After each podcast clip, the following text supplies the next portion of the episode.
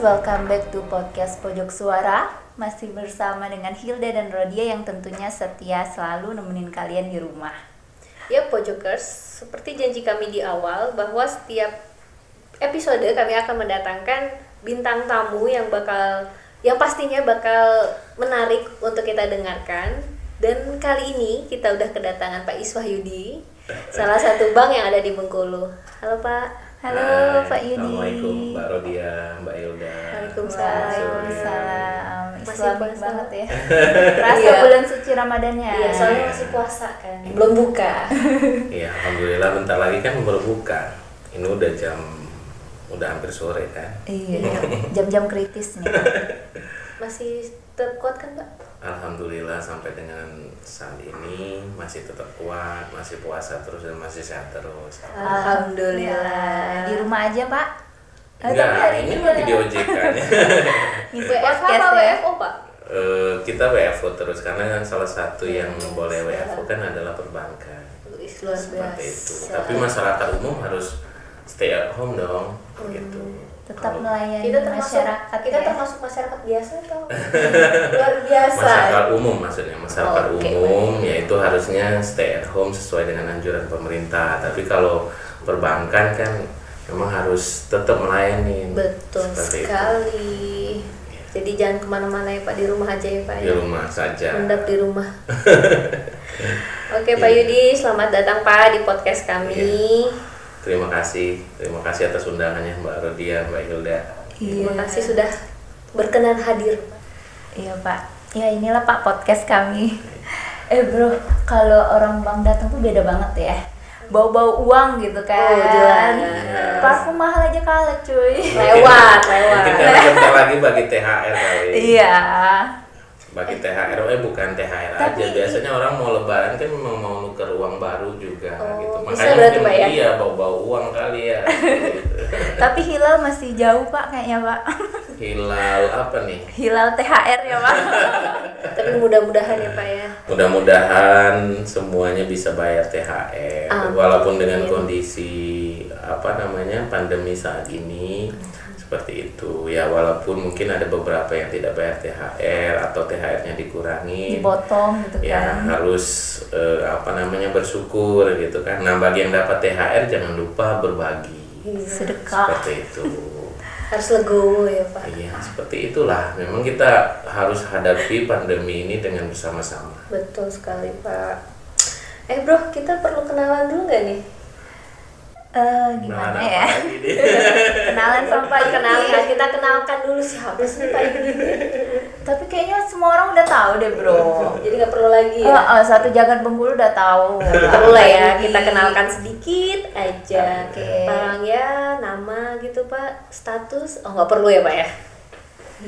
Mungkin ini ulang tahun hari ini kan, jadi ketahuan ya kan tanggal tahu Kita lahirnya. bisa habis ini Saya sapa ya, ini Pak? dulu ya, sapa pojokers dulu ya. Oh, Pojokersnya udah iya. disapa belum deh? Tadi Oh. kayaknya baru ngobrol-ngobrol sesama Betul. kita Bisa, Pak? aja tuh.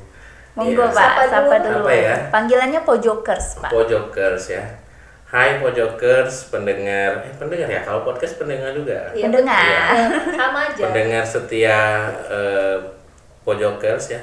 Pojok juara, Pak. juara, eh, podcastnya OJK Bengkulu. Selamat sore, assalamualaikum semua Pojokers, mudah-mudahan sehat semua. Amin. Saya Iswahyudi, pemimpin divisi pemasaran di salah satu bank, lebih tepatnya di bank daerah di Provinsi Bengkulu. Sore ini saya diundang oleh Mbak Rodia dan Mbak Hilda untuk bincang-bincang, bincang-bincang ringan lah, sharing dengan eh, apa Bapak Ibu semua pojokers. Iya. Pak Yudi mau cerita-cerita nih. Udah siap ya Pak ya cerita ya Pak? Boleh, ya. Berapa episode nih Pak? Asalkan bayarannya sesuai nih. Tunggu THR cair dulu kayaknya Pak. Kalau dapat ya Pak, iya, kalau dapat, kalau nggak dapatnya nggak apa-apa. ucapan terima kasih aja nggak apa-apa lah Pak ya. Atau Parcel nanti amplop, kirim parcel. Boleh nggak sih Pak? Boleh nggak kirim parcel? parcel parcel gimana ya rasanya udah nggak ada lagi zaman sekarang orang ngirim aja parcel kan ya ya, Pak ya. Amplop setiap hari lah kita terima amplop surat menyurat gitu.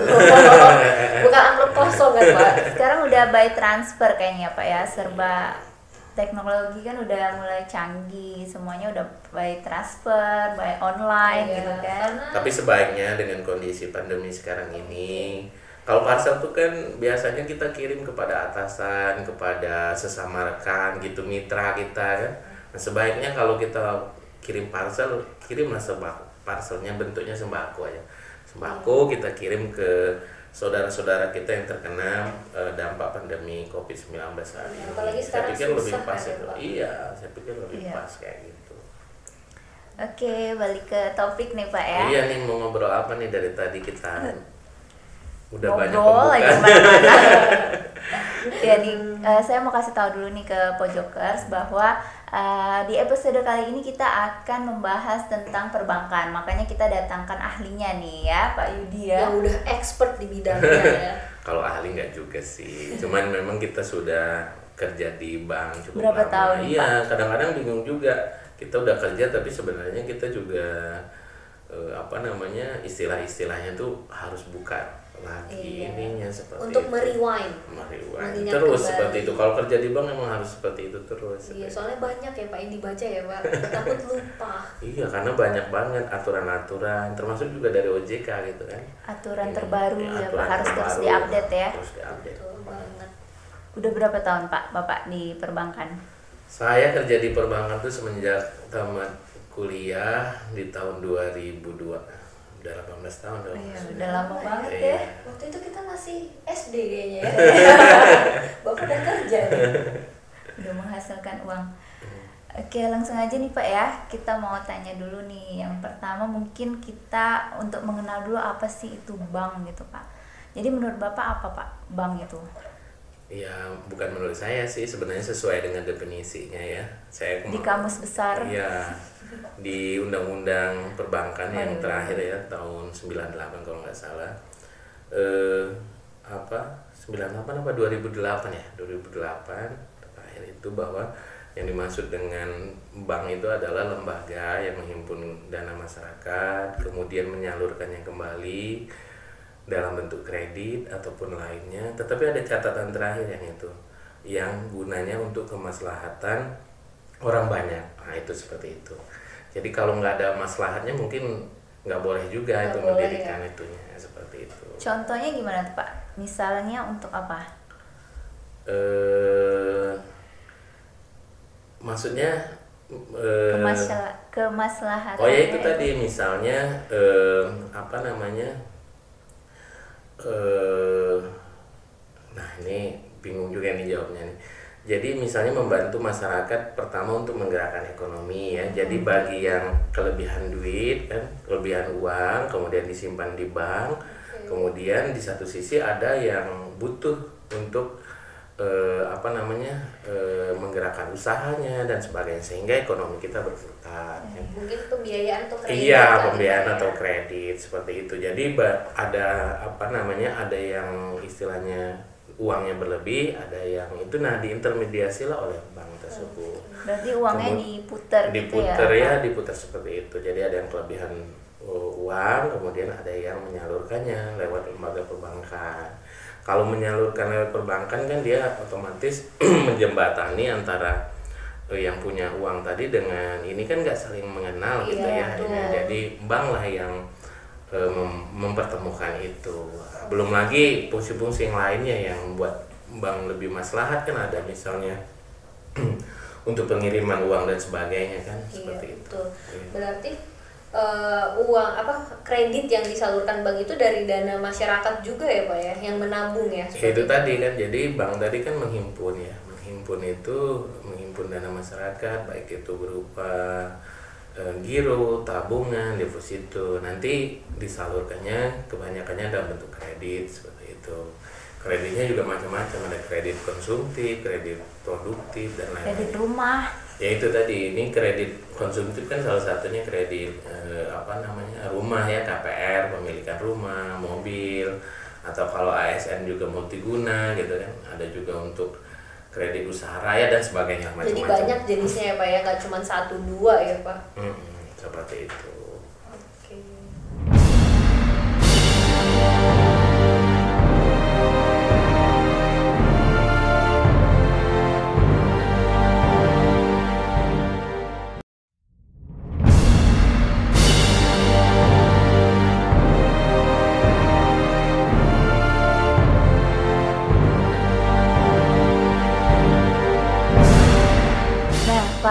kan Bapak udah nyebutin tuh beberapa produk yang ada di bank ya, Pak ya, kayak deposito, tabungan, giro atau biliet. Nah, eh, itu apa sih, Pak, arti ataupun bedanya dari masing-masing Ya, produk jadi- itu? Baik Mbak Hilda, terima kasih. Jadi kalau di bank itu secara umum untuk eh, penghimpunan dana ada tiga produk ya. Yang pertama itu eh, giro. Jadi giro ini dia produk penghimpunan dana yang eh, penarikannya itu eh, dengan syarat-syarat tertentu, kemudian biasanya menggunakan eh, cek atau eh, eh, bilet giro seperti itu. Jadi kalau misalnya pengusaha atau ini eh, pedagang seperti itu sering kali kan kita membayarnya itu dengan cek atau bilet giro. Nah, itu produk eh, simpanannya atau penghimpunannya adalah giro. Kemudian yang kedua adalah tabungan. Nah, tabungan ini juga eh, penarikannya juga dengan syarat-syarat tertentu. Tetapi kalau sekarang kan sudah macam-macam eh, apa namanya fasilitas untuk penarikan tabungan. Jadi bisa lewat ATM ya, eh, Pak ya? ATM dan sebagainya. Dan tabungan juga sekarang udah banyak fasilitasnya ya. Jadi bisa mobile banking, kemudian juga ada nggak harus juga nyetor ke kantor, bisa Iya. lewat apa namanya ATM ya Pak Iya ATM setor ya ATM Setor. setor. Nah itu. Setor. Kemudian yang ketiga adalah deposito. Deposito sendiri ini eh, apa namanya produk perbankan yang apa penarikannya harus eh, sesuai dengan jangka waktu tertentu seperti itu. Jadi tidak bisa eh, setiap saat seperti itu. Kira-kira. Seperti itu. apa aja sih Pak keuntungannya deposito Pak dan berapa lama minimal rentang waktunya Jadi semuanya ini kan ada eh, apa namanya eh, kelebihan dan kekurangan masing-masing lah seperti itu. Jadi kalau deposito ini kelebihannya pertama kita disiplin ya. Disiplin itu karena dia tidak bisa ditarik setiap saat sehingga eh, apa namanya eh, kita tidak tidak tergoda untuk menariknya seperti itu. Jadi ini boros disimpan gitu ya. ya nggak boros. Jadi kemudian yang kedua ini juga sarana kita investasi karena bunganya relatif lebih tinggi dibandingin dengan eh, giro maupun tabungan seperti itu kalau untuk deposito kemudian yang tabungan tabungan biasanya ini untuk eh, menyimpan yang jangka menengah lah seperti itu nah eh, bunganya antara eh, lebih tinggi daripada giro lebih se- sedikit tinggi di atas giro tapi di bawah deposito nah ini juga biasanya eh, kita gunakan untuk kalau kita ada kebutuhan-kebutuhan jangka pendek ya seperti itu. Jadi kebutuhan-kebutuhan jangka pendek kita bisa disimpan di situ sehingga pada saat kita butuh apalagi sekarang kan ATM kemudian mobile banking Mobile 24 banking, jam iya, ya. betul Jadi bisa kita tinggal Transfer transaksi. gitu Iya. Nah, kalau eh, giro ya, giro itu juga agak terbatas karena kalau giro kan untuk eh, apa bilet giro maupun cek itu hanya bisa ditransaksikan di jam eh, layanan perbankan seperti Iya, itu. karena harus Terus langsung ke kantor ya. ya Iya, karena pakai ini tadi mekanisme Cek apa penarikannya harus pakai cek atau bilet giro. Tetapi sekarang juga eh, apa eh, sudah ada giro-giro perorangan yang juga bisa pakai ATM dan sebagainya. Jadi pojokers itu udah eh, macam-macam lah untuk menyimpan uang di bank itu ininya apa Semakin namanya fasilitas. berkembang ya fasilitasnya Oh iya, ya, iya Pak seperti ya. jadi itu semakin canggih ya Mengikuti semakin zaman canggih. soalnya. Saya harap ya itu tadi nggak ada lagi masyarakat Bengkulu, Vojokers yang mendengarkan ini tidak ada lagi menyimpan uangnya di rumah karena atau menyimpan lagi di bawah bantal betul karena kalau kan? kalau nyimpan uang di bank itu kan aman ya aman Iya. seperti itu.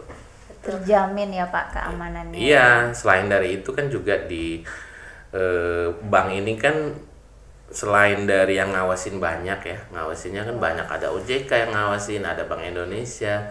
Kemudian eh, simpanan di bank ini juga dijamin oleh lembaga penjamin simpanan. Jadi jangan ragu-ragu untuk menyimpan uang di Bank. di bank seperti itu. Nah, selain tadi produk-produk penghimpun dana nih Pak ya, kalau untuk penyaluran dananya ada apa aja tuh Pak produknya biasanya di bank? Ya, umumnya kredit dan kreditnya kan macam-macam. Secara garis besarnya ada kredit eh, konsumtif dan produktif. Nah, untuk yang konsumtif ini yang kegunaannya untuk kebutuhan kita ya, mungkin Konsumtif iya. masyarakat ya Pak? Iya. Sehari-hari bisa Iya, bisa jadi kebutuhan sehari-hari kebutuhan ini ya. Bisa jadi ada apa namanya kredit pemilikan mobil, kemudian pemilikan rumah, kemudian ada juga kredit multiguna ya. Multiguna itu ya eh, misalnya eh, kredit untuk PNS lah.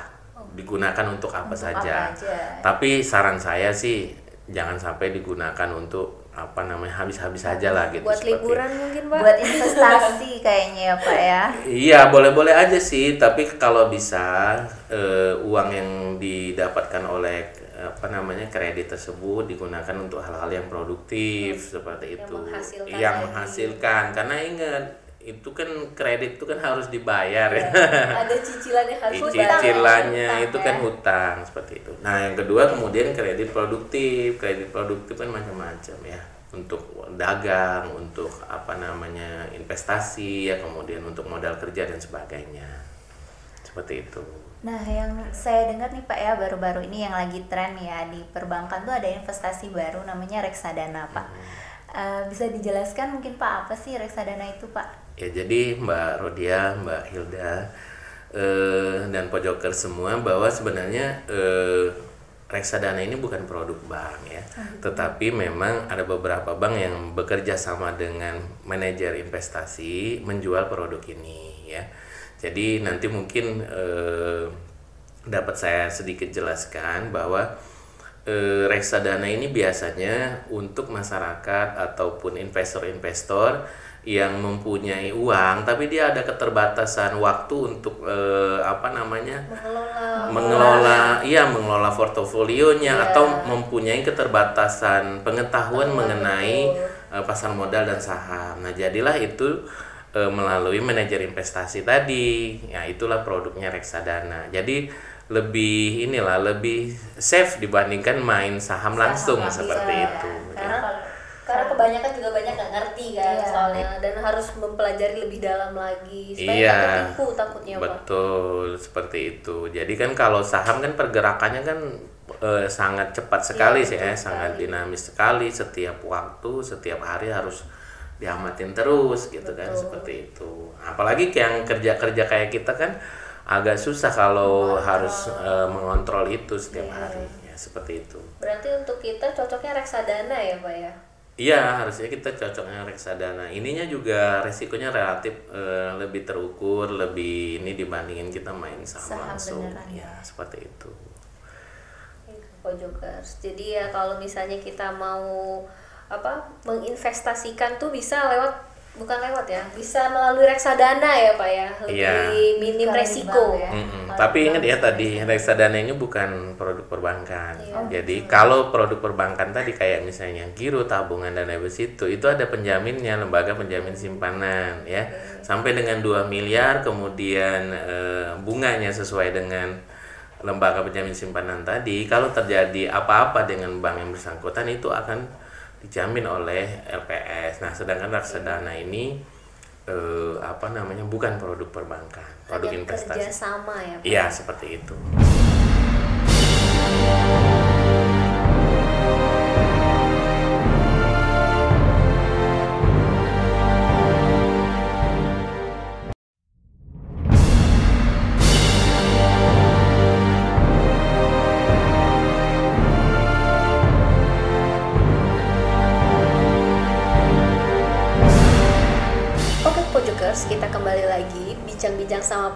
Masih semangat ya kan Pak? Alhamdulillah masih tetap semangat. Masih semangat walaupun puasa ya Pak ya. Iya dong. Sabar Pak, bentar lagi ya Pak ya. Tiga jam lagi kita berbuka.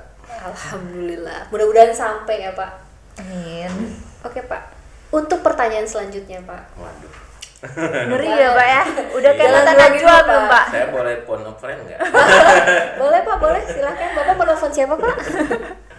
Oke Pak, Eh, apa sih Pak jenis-jenis Jenis-jenis. bank bank yang ada Di Indonesia. di Indonesia pastinya Pak. Oh iya, Di baik. dunia mungkin Pak. Jadi sebenarnya bank itu eh, kalau dari jenisnya dia eh, secara umumnya dibagi dua ya, bank umum dan bank eh, BPR, bank perkreditan rakyat.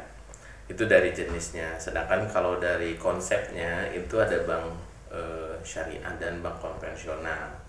Nah, tadi kalau misalnya bank umum itu biasanya eh, apa namanya bank yang beroperasi ke apa namanya wilayahnya lebih luas bisa seluruh Indonesia kemudian produknya lebih macam-macam seperti itu Tujuannya Lebih juga lebih lebih tujuannya banyak juga ya lebih Pak ya ke banyak. masyarakat. Sedangkan umum. kalau BPR dia memang eh, bank yang khusus dibuat untuk eh, dalam satu wilayah tertentu, kemudian juga fasilitasnya terbatas dan sebagainya.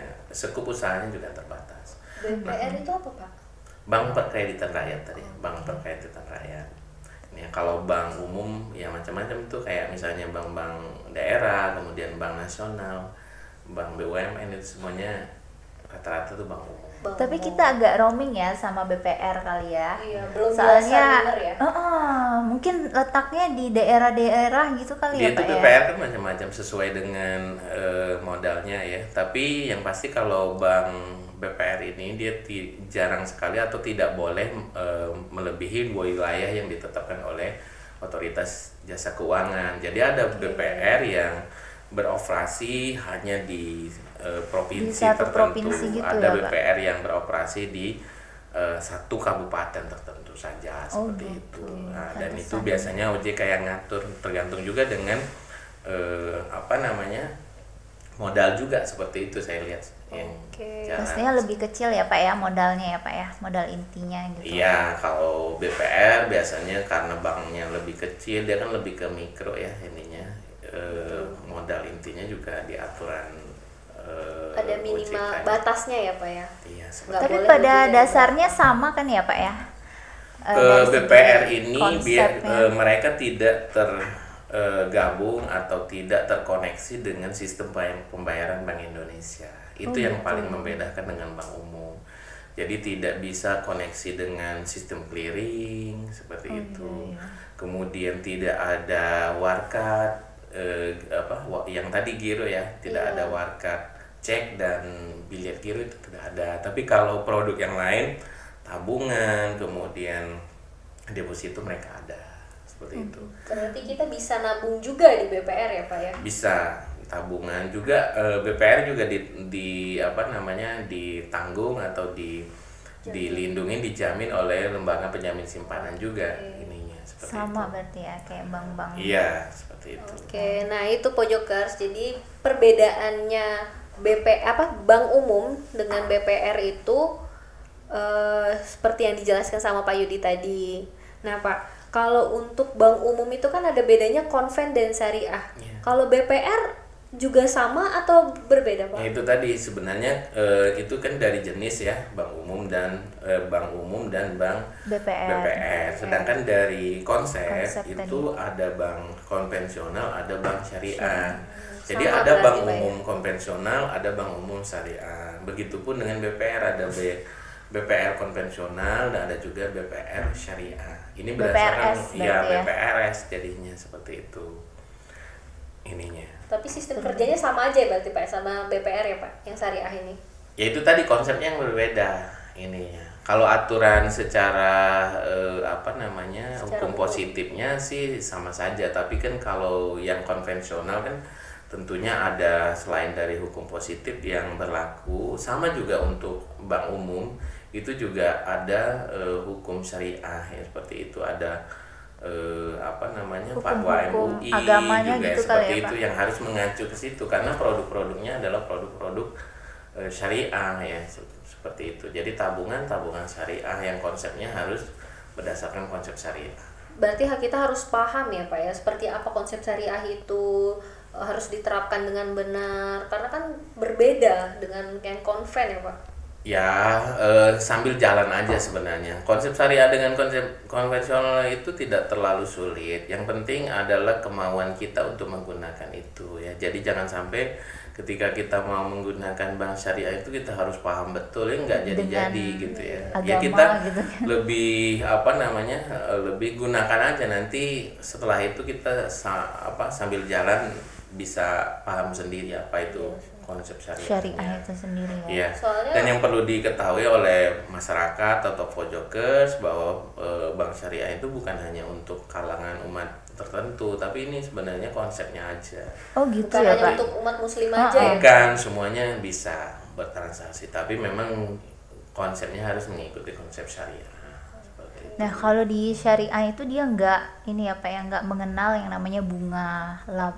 Dia lebih ke gimana nih pak kalau di syariah? Jadi secara umum mungkin kalau orang eh, apa berbicara mengenai perbankan atau bank syariah itu yang terlintas di pikiran masyarakat ya itu hanya mengenai bunga dan bagi hasil. Padahal banyak hal-hal lain yang membedakan hal tersebut ya.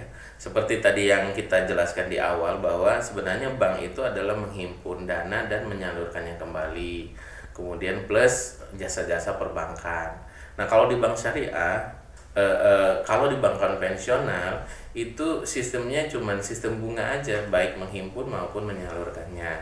Sedangkan untuk bank syariah menghimpunnya maupun menyalurkannya itu dua-duanya pasti konsep syariah.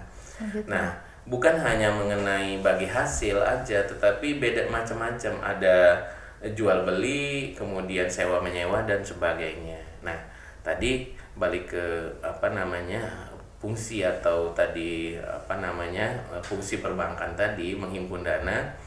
Nah, di situ ketika kita menghimpun dana dalam bentuk tabungan, nah itu akadnya macam-macam tadi bukan hanya bagi hasil tapi bisa titipan atau wadiah bisa juga bagi hasil. Kemudian juga eh, deposito juga begitu. Biasanya kalau deposito bagi hasil. Nah kemudian yang kedua adalah menyalurkannya. Nah menyalurkannya macam-macam. Kalau kreditnya misalnya pemilikan rumah atau mobil bukan bagi hasil tapi akadnya adalah jual beli. Tapi mungkin kalau untuk pembiayaan proyek ya seperti itu itu bisa eh, apa namanya konsepnya bagi hasil baik bagi hasil full maupun bagi hasil sebagian. Nah itu yang mungkin banyak lah akan di dalam ya. seperti Berarti- itu. Lu cukup banyak perbedaannya ya Pak ya untuk diketahui karena kebanyakan masyarakat kan tahunya cuma yang konven kan Pak Iya. mungkin kayak kredit apa jual beli misal kita kayak pembiayaan apa KPR seperti itu sedangkan di syariah namanya berbeda Betul. Istilah-istilahnya juga jarang didengar oleh masyarakat kayaknya nih pak. Makanya saya kan gunainnya istilahnya bukan murabahah tapi jual beli. Jual beli. Ya itu kan bahasa kita sebenarnya ya murabahah sama aja karena itu bahasa Arab. Bahasa Arab. Jadi beda kita ya. jangan ter apa namanya eh, terfokus ke istilahnya tetapi ke konsepnya itu tadi. konsepnya. Tapi Ya. sebenarnya sama kan pak ya konsepnya. Beda Ya. karena Oh, konsepnya tadi memang berdasarkan syariah. Kalau syariah itu semuanya harus ada latar belakangnya. Ya, harus ada yang itunya seperti itulah. harus ada dasarnya ya Betul, harus ada underlyingnya seperti itu. Oke. Nah, begitulah Pojokers, itulah bedanya bank umum dan bank syariah. Jadi kesimpulannya apa nih bro? Jadi Dari pe- pembicaraan kita yang udah lama banget ya dari dari awal sampai akhir nih. Iya, betul banget. Nah, jadi kesimpulan kesimpulannya nih Pojokers, eh, yang paling mendasar sebenarnya bank itu apa? Itu yang apa ya? Kalau di bank itu kita bisa minjam.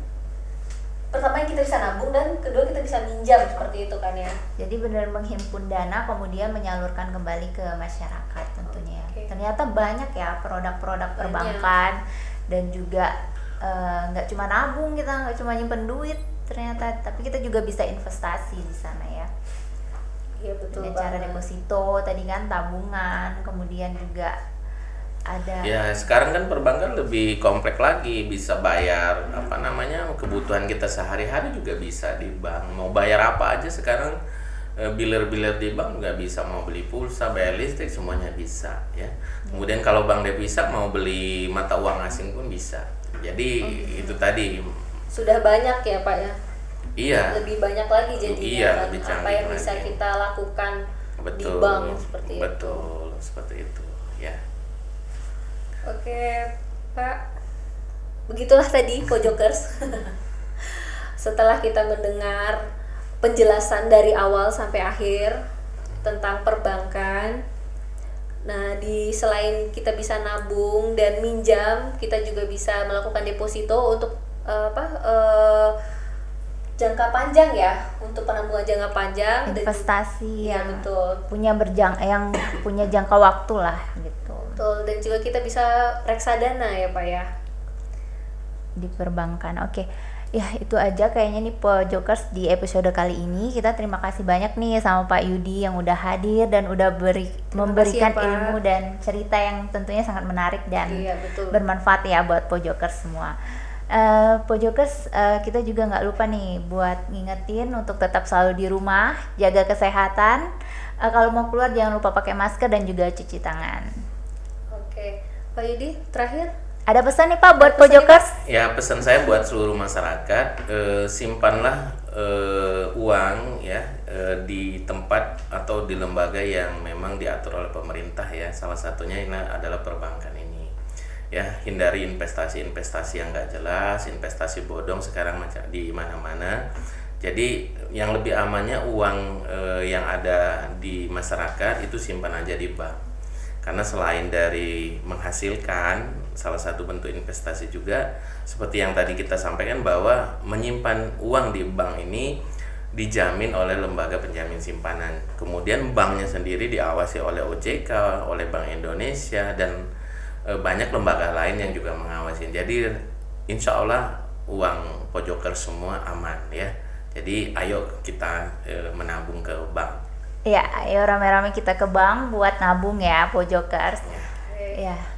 Oke Pojokers, sampai ketemu lagi di episode selanjutnya. Dan kami juga nggak eh, lupa untuk mengingatkan untuk selalu tetap di rumah, jaga kesehatan, jangan lupa cuci tangan dan juga eh, pakai masker ya kalau keluar rumah. Saya Hilda Dan, saya Rodia. Sampai ketemu di pojok juara. selanjutnya. Bye bye. Dadah.